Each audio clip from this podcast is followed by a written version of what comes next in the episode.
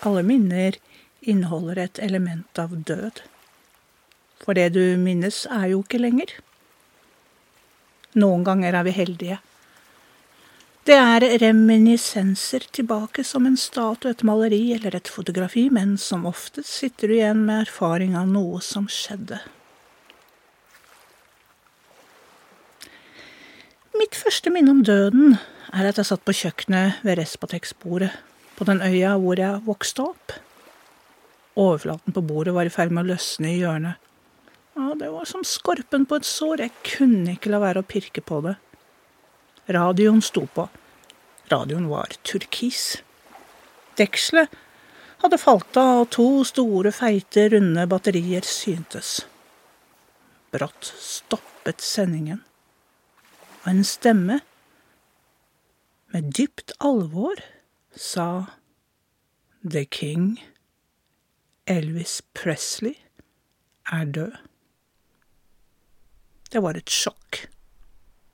Jeg ble en del av historien, jeg var et vitne. Noe av den samme følelsen fikk jeg da kong Olav døde, da bodde jeg i Oslo, i en studentbolig.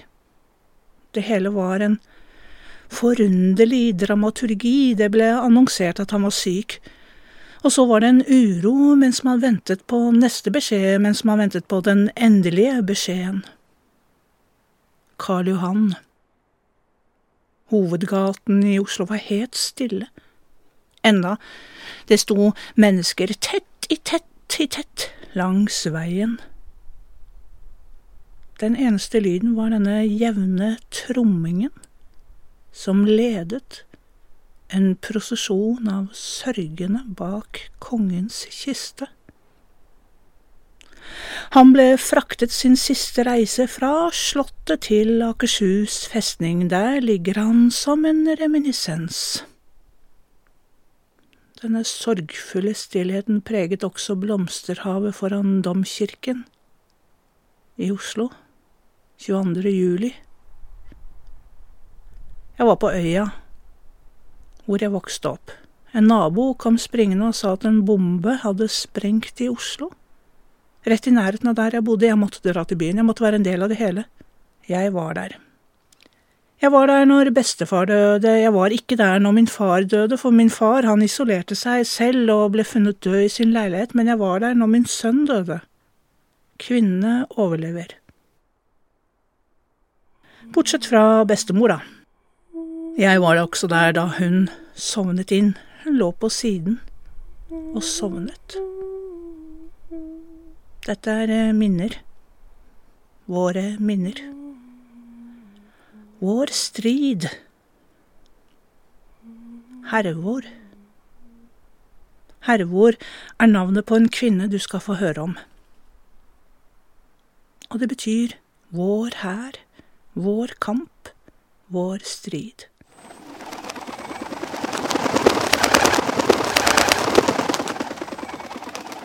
Vår. Det må ha vært om våren.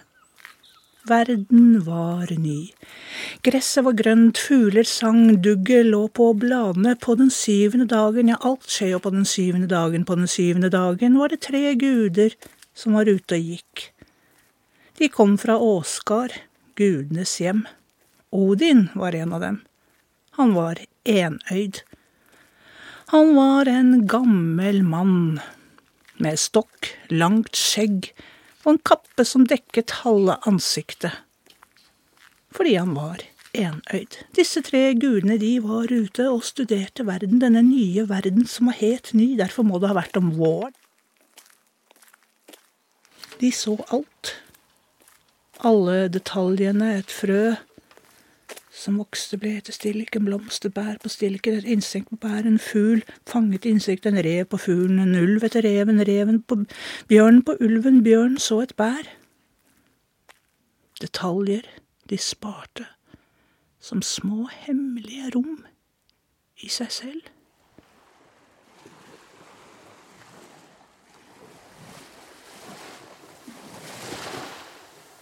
De tre gudene gikk til de kom til havet. Der fikk de se ni kvinner, ni bølger, ni nakne kvinner, døtre til Ran, Jotunkvinnen som hersket over havet. Og det var så vakkert å se disse ni kvinnene stige opp av havet at det gikk for Odin. Sæden rant ut og blandet seg med havet. De ni kvinnene ble gravide, og de fødte en eneste sønn. Det var guden Heimdal.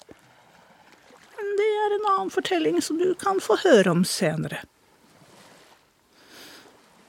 Ni kvinner, ni hjem.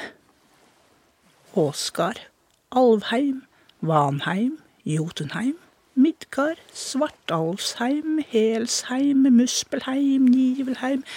Nå bar de ni kvinnene seg mellom to trestammer som de kastet opp på vann, og så snudde de og ble en del av havet. Gudene gikk bort til de to trestammene de studerte dem. Forsto at de hadde lyd. En gang hadde de stått rakt som to trær, med greiner som strakte seg og røtter dypt begravd. En sterk vind, en orkan, hadde røsket dem opp med røtter og kastet dem ut i havet. Hav husker ikke.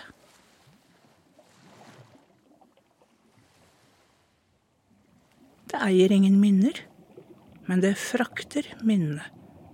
I havet blir minnene til fortellinger. Noen blir dratt, blir lange, andre fragmenter som bare flyter omkring, andre igjen blander seg og blir til nye fortellinger, sånn som det her. Havet dyttet og skjøv de to trestammene, havet ville ikke bære deres skjebne, kastet dem opp på land, og nå lå de der. Bortenfor liv. Likevel fortsatte de å klamre seg til hverandre. Likevel var de like rake som de en gang hadde vært. Greiner og kvister hang sammen. Gudene ble rørt, berørt. Odin sa, la oss gi dem gaver for det livet de har levd. La oss gi dem gaver for et nytt liv. De tre gudene bøyde seg ned og hvisket gaver til de to som ennå ikke eide skjebne. Ånd, sinn, bevegelse.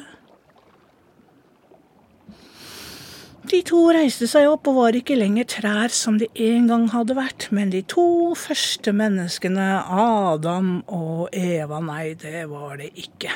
For det sies jo at Eva hun snakket med slangen og spiste av eplet som hang på treet, og så overtalte hun Adam til å spise av eplet. Derfor ble de kastet ut av hagen. Og derfor skal kvinner være stille. For når kvinner snakker, så synder de. Snakket deres er skravling, hysteri og synd. De ble ikke kalt for Adam og Eva. De ble kalt for Ask og Embla, oppkalt etter de to trærne de en gang hadde vært. Gudene sa, Reis ut og fortell dere inn i verden. Røttene er de minnene dere skaper. Men det kan være brudd. Det kan være at noen røsker de av. For å minnes så må man jo glemme. Smaken av det første neiet. Synet av den som ikke ville mer. Lyden av gråten til den kjære. Slaget i ansiktet, følelsen av det. Lukten av den som forlot. Død. Døden er vår begynnelse. Døden er hennes begynnelse. Hervor.